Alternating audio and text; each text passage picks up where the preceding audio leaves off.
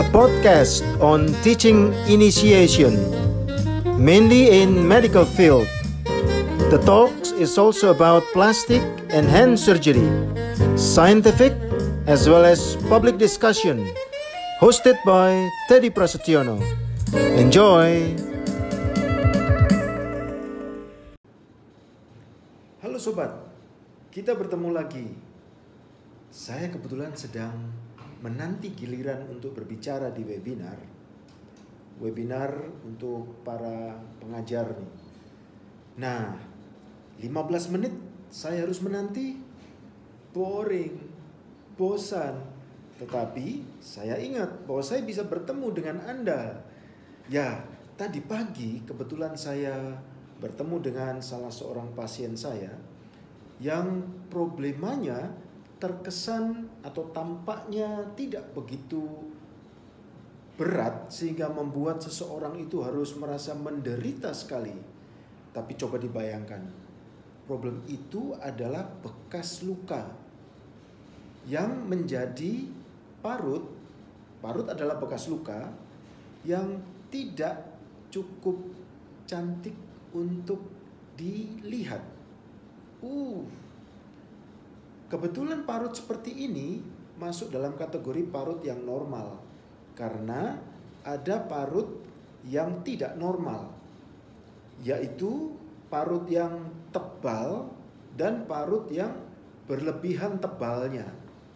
Yang tebal disebut sebagai parut hipertrofi sementara yang berlebihan tebalnya disebut sebagai keloid. Ya, Anda tahu saya juga memahami bahwa di masyarakat, bahkan juga di kalangan beberapa kolega di dunia medis maupun juga para medis, pemahaman mengenai parut yang tidak bagus, yang tidak disukai, sering disebut sebagai kiloid. Padahal bukan sebuah parut bekas luka oleh sebab apa pun disebut keloid kalau parut itu berlebihan pertumbuhannya menjadi sangat tebal bahkan melebihi bekas luka atau area bekas luka yang seharusnya. Artinya apa? Jaringan kulit yang seharusnya normal diinvasi ikut menjadi bagian keloid. Selain itu keluhan subjektifnya, oh gatalnya muntah ampun. Seringkali juga nyeri dan tentu saja tidak menyenangkan. Baik yang bentuknya relatif kecil ataupun yang besar, panjang, masif. Tentu sangat mengganggu. Parut yang hipertrofik hipertrofi juga tebal namun dia tidak menjarah kulit area kulit yang seharusnya memang bukan menjadi bekas luka. Bisa gatal? Ya bisa. Bisa nyeri? Bisa.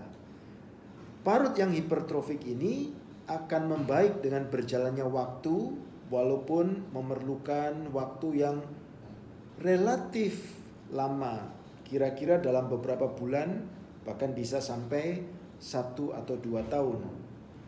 Sementara keloid praktis dia tidak berhenti untuk mengganggu.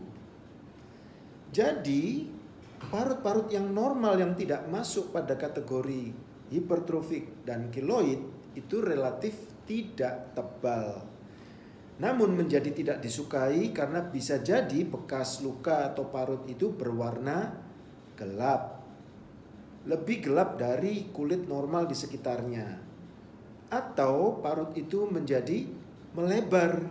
Seharusnya parut yang direncanakan melalui pembedahan menghasilkan satu garis parut yang kira-kira tebalnya kurang lebih satu dua sampai tiga kali lipat rajah tangan ini garis rajah tangan ya.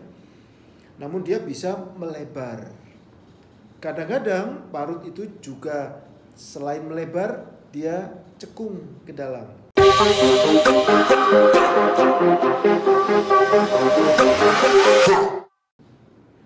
Kadang-kadang permukaan parut itu tampak tipis, rapuh, kurang elastis begitu.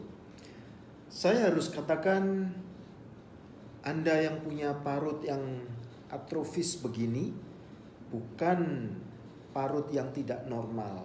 Hanya Anda tidak beruntung.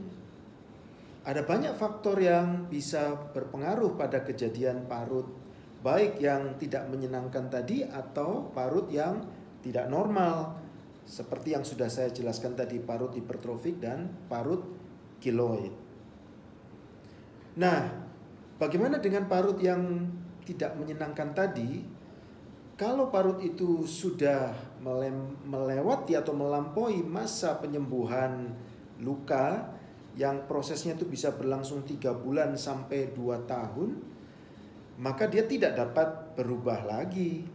Salah satu yang bisa menjadi harapan untuk mendapatkan penampilan parut yang lebih baik adalah melalui jalan pembedahan. Ada banyak pertimbangan dalam mengambil keputusan intervensi apa yang dapat diberikan pada kondisi parut yang Anda atau yang kerabat kita punyai. Ada banyak metode, memang agak sulit saya memberikan penjelasan atau keterangan yang lebih general atau umum karena kadang-kadang pembahasan mengenai apa yang cocok untuk diberikan untuk dilakukan pada parut normal yang tidak menyenangkan itu tergantung pada masing-masing orang, tergantung pada masing-masing parutnya.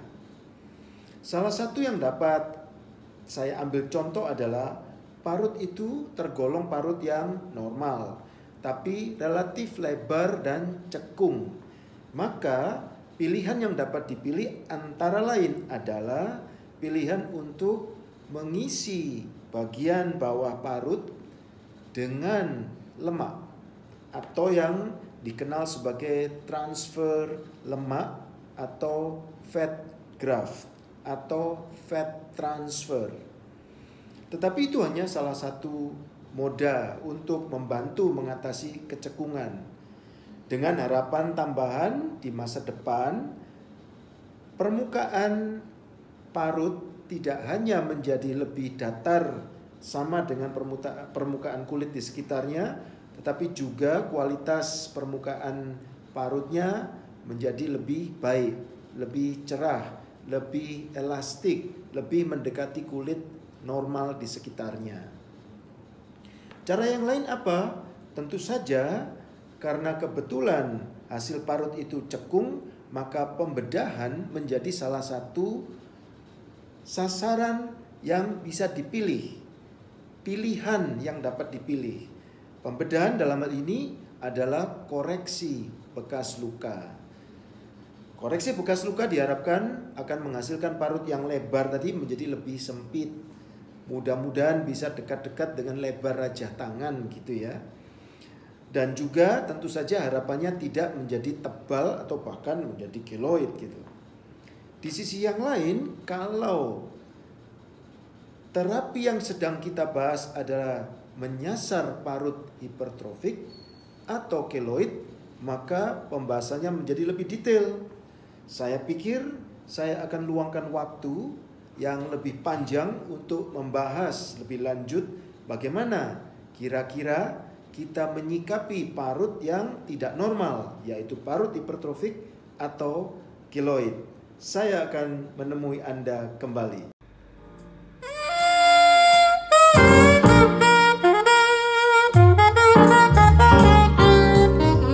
Thank you for listening. Make sure you let your colleagues know about this podcast. I will see you again.